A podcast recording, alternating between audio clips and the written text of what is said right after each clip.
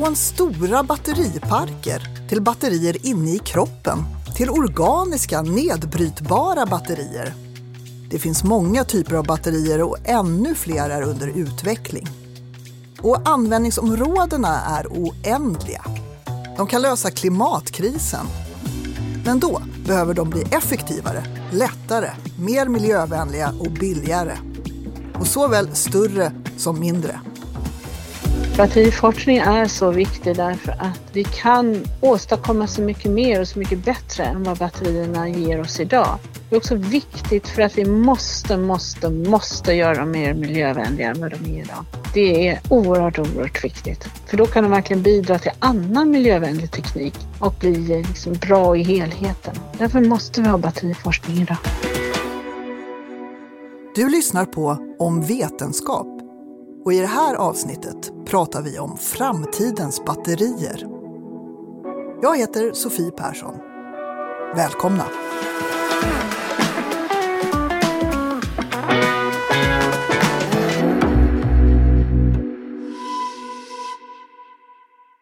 Ja, det händer mycket inom batteriområdet just nu. För även om batterier funnits länge och mycket har hänt under de senaste decennierna så är det nu utvecklingen börjar ta fart på allvar och kan vara en av lösningarna på klimatkrisen. Kristina Edström på Ångströmslaboratoriet i Uppsala leder Nordens största grupp av batteriforskare. Hon är också ansvarig för EUs jättesatsning Battery 2030 där man vill hinna ifatt och kanske till och med gå om Asien som utvecklare och producent av nya batterier. Batteri 2030 är ett storskaligt forskningsinitiativ där Europeiska kommissionen liksom egentligen har beställt eh, det för att verkligen samla forskare att försöka snabba upp och accelerera den här processen att få nästa generations batterier. Vi ska återkomma till framtiden om en stund. Men först, hur fungerar ett batteri? Batteri lagrar elektricitet för framtida bruk och är en så kallad galvanisk cell. Genom att sänka ner två elektroder, en katod och en anod, i en elektrolyt, oftast en vätska, genereras en elektrisk spänning mellan elektroderna.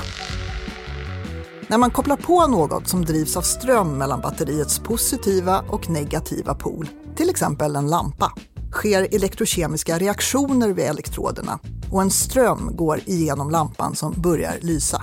Voila! Du använder den lagrade elen i batteriet. Om det är ett uppladdningsbart batteri kallas den processen som laddar upp en elektrolys och reaktionerna går åt andra hållet. Det hela började år 1800 med Voltas stapel en stapel av silver och zinkskivor med elektrolytindränkta tyg eller pappersbitar emellan. Uppfinnaren bakom det här, det första elektriska batteriet, var italienaren Alessandro Volta som också kom att ge namn åt elektrisk spänning, volt. Knappt 60 år senare, 1859, skapade den franska fysikern Gaston Planté blycellen, det första kommersiella laddningsbara batteriet. Och ytterligare 60 år senare, 1899, kom svenskarna med i matchen när Valdemar Junger uppfann nickel-kadmium-batteriet. Det blev ett av de vanligaste batterierna under stora delar av 1900-talet, framförallt i elektronikutrustning. Men under 2000-talet har de alltmer fasats ut för att undvika det giftiga kadmiumet och har ersatts av nickelmetallhydridbatterier. En blandning av metaller som också tillverkas i Sverige och är kanske mest populära av de laddningsbara batterier som finns. Men det vanligaste förekommande batteriet idag är sannolikt blysyrabatteriet som används som startbatteri i de flesta bilar och så batteriet som fått enorm betydelse de senaste åren, nämligen litiumjonbatteriet. Och även här kan väl svenskarna ta åt sig åtminstone lite av äran. Litium upptäcktes ju faktiskt först av en svensk, en lärjunge till Berzelius. Det var Berzelius som namngav att litium skulle heta litium. Man hittade en gruva på Utö. Man kan åka dit och titta på det här hålet och säga, och här hittar vi det första litiumet i världen. Sen tog det ett tag innan amerikanerna John B. Goodenough, M. Stanley Whittingham och japanen Akira Yoshino lyckades skapa ett användbart litiumjonbatteri som resulterade i Nobelpriset i kemi 2019. Litiumjonbatteriet har högst energitäthet av alla uppladdningsbara batterier och finns idag i nästan all bärbar elektronik. Från pacemakern till mobiltelefoner till laptops och så kommer elbilen starkt. Den börjar komma in i också större fordon. Volvo kom ju ut och sa att nu ska vi komma ut i större produktion av batteridrivna bussar. Det kommer komma in starkt i deras långtradarflotta. Och Scania gör ju nu en fabrik där de ska sätta ihop battericeller till batteripack för sin fordonsflotta. Så det kommer ju liksom jättestarkt. Man pratar ju till och med om eldrivna flygplan. Marina sidan kommer också och det är hela tiden litiumjonbatterierna. Där kan du se särskilt i Norge att ett antal färger nu blir eldrivna och går på litiumjonbatterier. Vad som gör litiumjonbatterierna så bra för fordon jämfört med blysyra det är ju att du har cirka åtta gånger högre energimängd eh, per volymsenhet i ett litiumjonbatteri och att det därför kan göras både mindre men också kraftfullare. Och att du har en sån otroligt bra eh, verkningsgrad i, du förlorar så lite energi när du laddar upp och laddar ur och kan använda det betydligt längre eh, än vad du kan göra med ett motsvarande blysyrabatteri. Ett annat viktigt område för batterier är att kunna balansera kraften i elkraftsystemet och i elnätet. Att man har så kallad effektbalans. Alltså att se till att det i varje stund tillförs samma mängd el till systemet som används. För att garantera att eleffektbrist inte uppstår i våra elnät idag, till exempel om det blir riktigt kallt, finns idag en effektreserv det vill säga, Svenska kraftnät har avtal med ett antal elproducenter, leverantörer och användare att producera extra effekt eller minska sin elanvändning när det behövs. Om elproduktionen ställs om till mer, till exempelvis vindkraft, är det här ännu viktigare att ha, då ju vindkraft bara levererar el när det blåser. Idag produceras ofta den här reservkraften med olja och gas i kraftverk eller med kärnkraft. Men tänk om man istället kunde lagra väderberoende energislag i gigantiska batterier. Uppsala har ju precis som södra Sverige då, vi tillhör ju faktiskt södra Sverige, eh, ett så kallat effektproblem, det vill säga vi får tillräckligt med energi från norr men det är ju olyckligt fördelat över dagen så att det finns ju en effektbrist när vi alla ska laga mat på kvällen. Och då kan batteripacket gå in och helt enkelt stödja det så att man kan prata om nätkvalitet. Och det kan man faktiskt redan nu. Det finns stora batteriparker runt om i världen. I Saudiarabien byggs just nu världens största energilager. Vid kusten bygger man 50 hotell som ska drivas av vind och solel. Men då behövs också batterier med en beräknad kapacitet på 1000 megawattimmar. Det motsvarar ungefär elanvändningen för 40 eluppvärmda normalvillor under ett år. Och både i Australien och i Kalifornien finns och planeras ett antal riktigt stora batteriparker för att kunna balansera kraften i elsystemen. Alltså stora batterier, när man pratar om det så måste man ha klart för sig att du har battericeller i en viss storlek eh, som är effektiva att göra. Säg att du gör dem A4 stora. Sen måste du packa de här i, i lådor som också kallas för batterier. Det här är ju en semantisk lite problematik i det här området. Att cellen, den enskilda battericellen heter batteri men när du packar ihop många batterier i en låda och kopplar ihop dem, då kallas det också batteri. Så de här stora du ser, vi ska ju få ett jättestort i Uppsala där jag bor som Vattenfall gör nu. Det är också en container med massa sådana battericeller som man kopplar ihop det.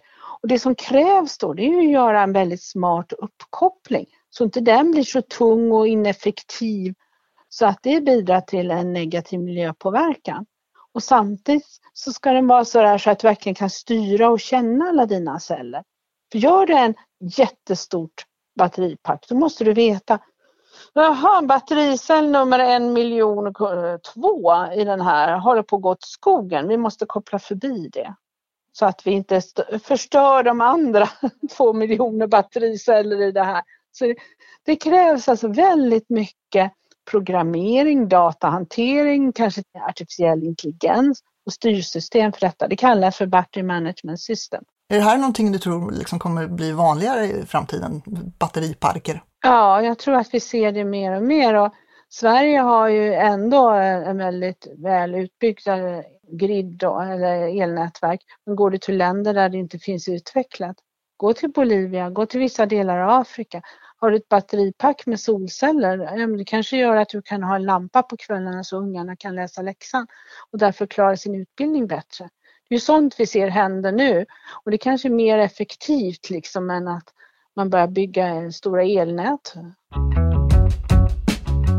Men sen var det ju det här med att batterier ska vara hållbara, miljövänliga och kunna återvinnas. Tänk om man kunde göra batterier av annat än metaller? Ja, det går faktiskt. Christian Stritzel på Uppsala universitet håller på att utveckla organiska batterier.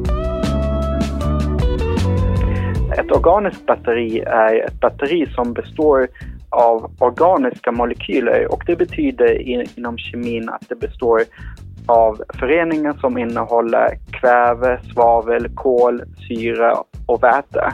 Eh, och det är någonting som oftast finns också i naturen. Varför vill ni göra organiska batterier? Vad ska de vara bra för? Det är ju intressant både på grundforskningsnivå för att det är ju spännande att kunna göra ett batteri som består av organiska material. Men om vi tänker på samhällsnyttan så är det ju att vi tänker oss att våra batterier kan komma från biomassa och därför inte kräva någon gruvdrift till exempel. Och eh, också så skulle det möjliggöra att återvinna organiska batterier, till exempel genom att enkelt bränna upp dem, för då återförs de ingående elementen till naturen. Vad är fördelen med att det är helt organiskt, det här batteriet då? Jag tänker att det kan finnas ett flertal olika användningsområden. För det första, om batteriet är billigt så kan det användas i storskalig eller energilagring där man behöver lagra energi från till exempel sol och vindkraft. Vilket också skulle ju ge en betydlig bättre hållbarhetsbild för den typen av energilagring gentemot att till exempel använda litiumjonbatterier. En annan intressant eh, applikation är små sensorer. Vi vet ju att det finns fler och fler som kallat Internet of Things. Och där krävs många små batterier för att driva små sensorer. Och här kan ju organiska batterier eller batterier med den prestanda som vi har visat varit väldigt intressanta som kan laddas upp snabbt och som också kan ge ifrån sig laddning väldigt fort. Och det tredje är olika former av batterier där man enkelt vill kunna återvinna batteriet eller man vill kunna slänga kanske batteriet tillsammans där den är integrerad. Så att om det till exempel kan vara en förpackning som man slänger i soporna, då kan man ju inte ha ett batteri som man måste återvinna på ett speciellt sätt. Så här kan man slänga både produkten och batteriet miljövänligt i soporna? Precis, det är vår vision.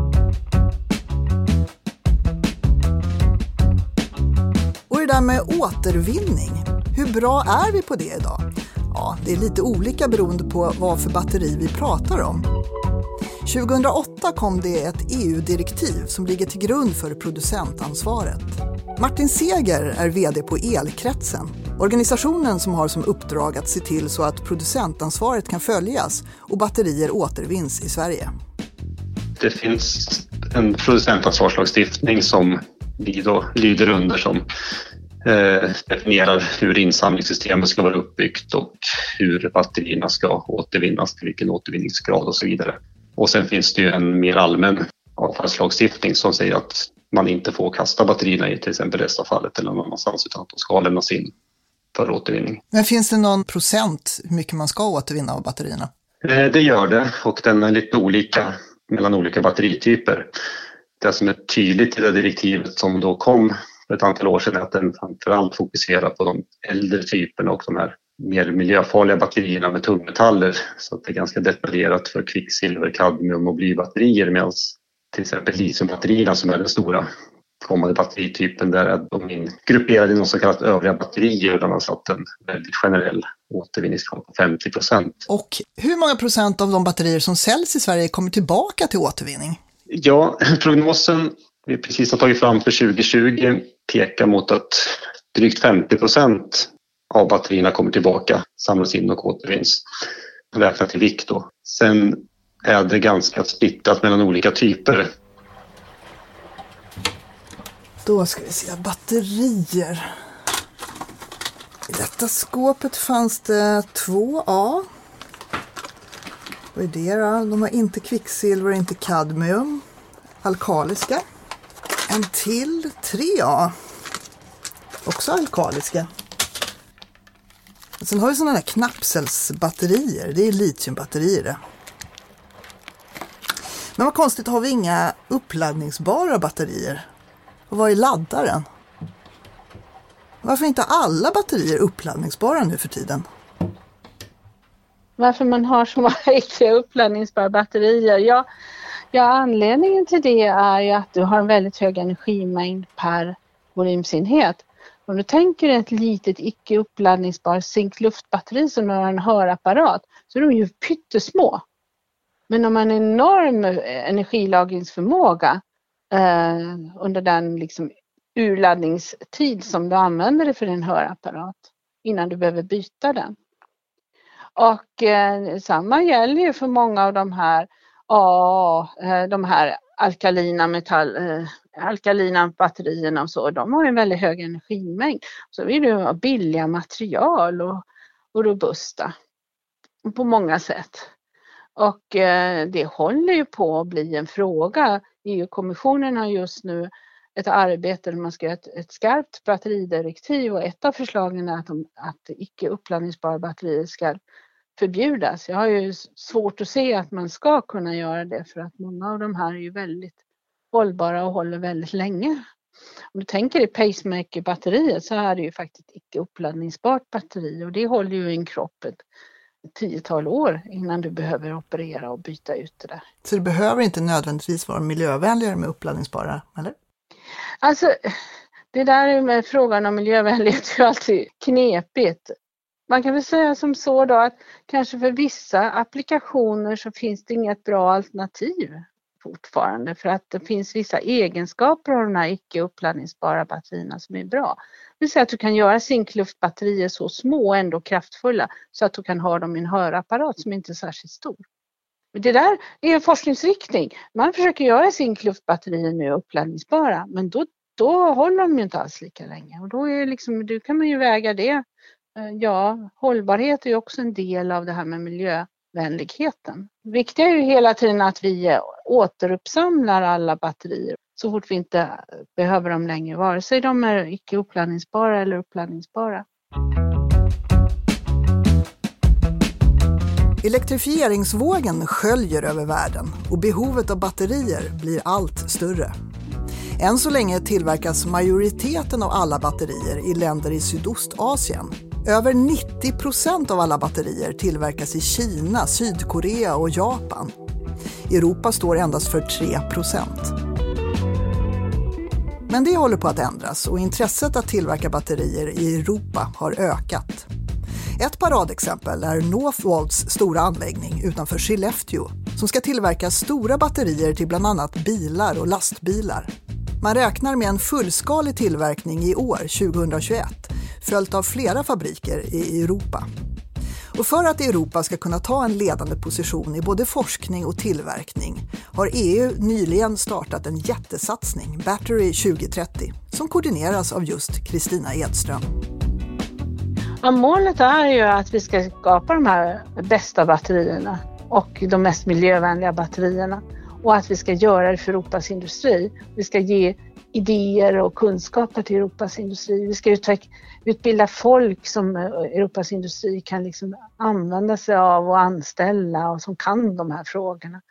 Och det gör ju att vi har skapat ett forskningsvisioner som, som ska liksom gå mot en, en accelererat sätt att få fram nya batterimaterial, nya batterikoncept och använda mycket digitala redskap för att göra det. Nu har vi kommit så långt så vi verkligen startade skarpt första september.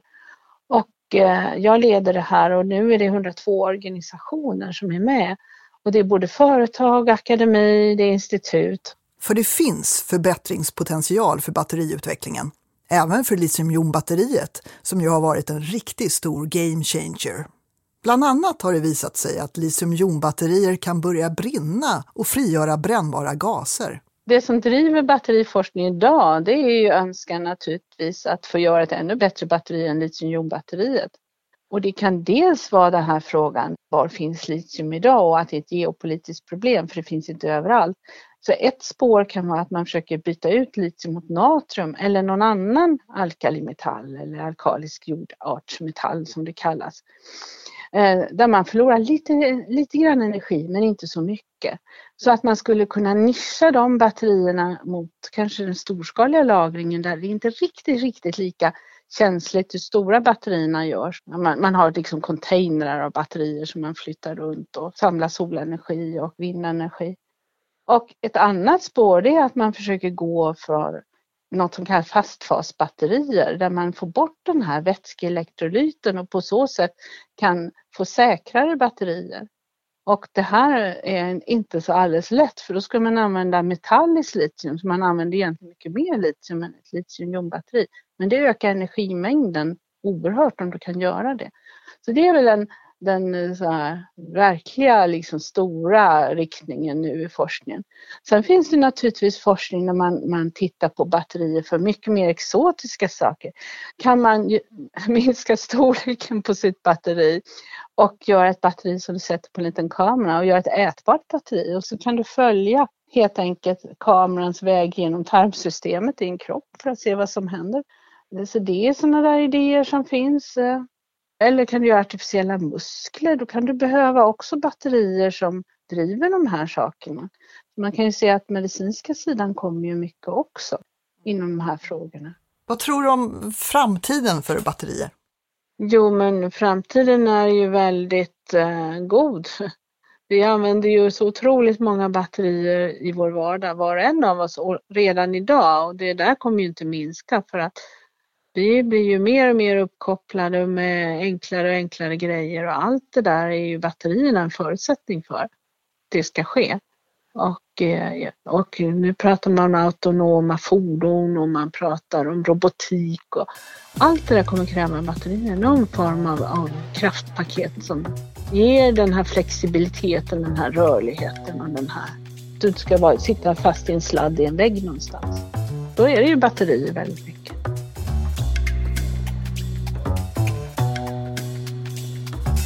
Om vetenskap är slut för den här gången. Medverkade gjorde professor Kristina Edström från Uppsala universitet, Martin Seger, VD på Elkretsen och Christian Stritzel, forskare på Uppsala universitet. Jag heter Sofie Persson. Tack för den här gången.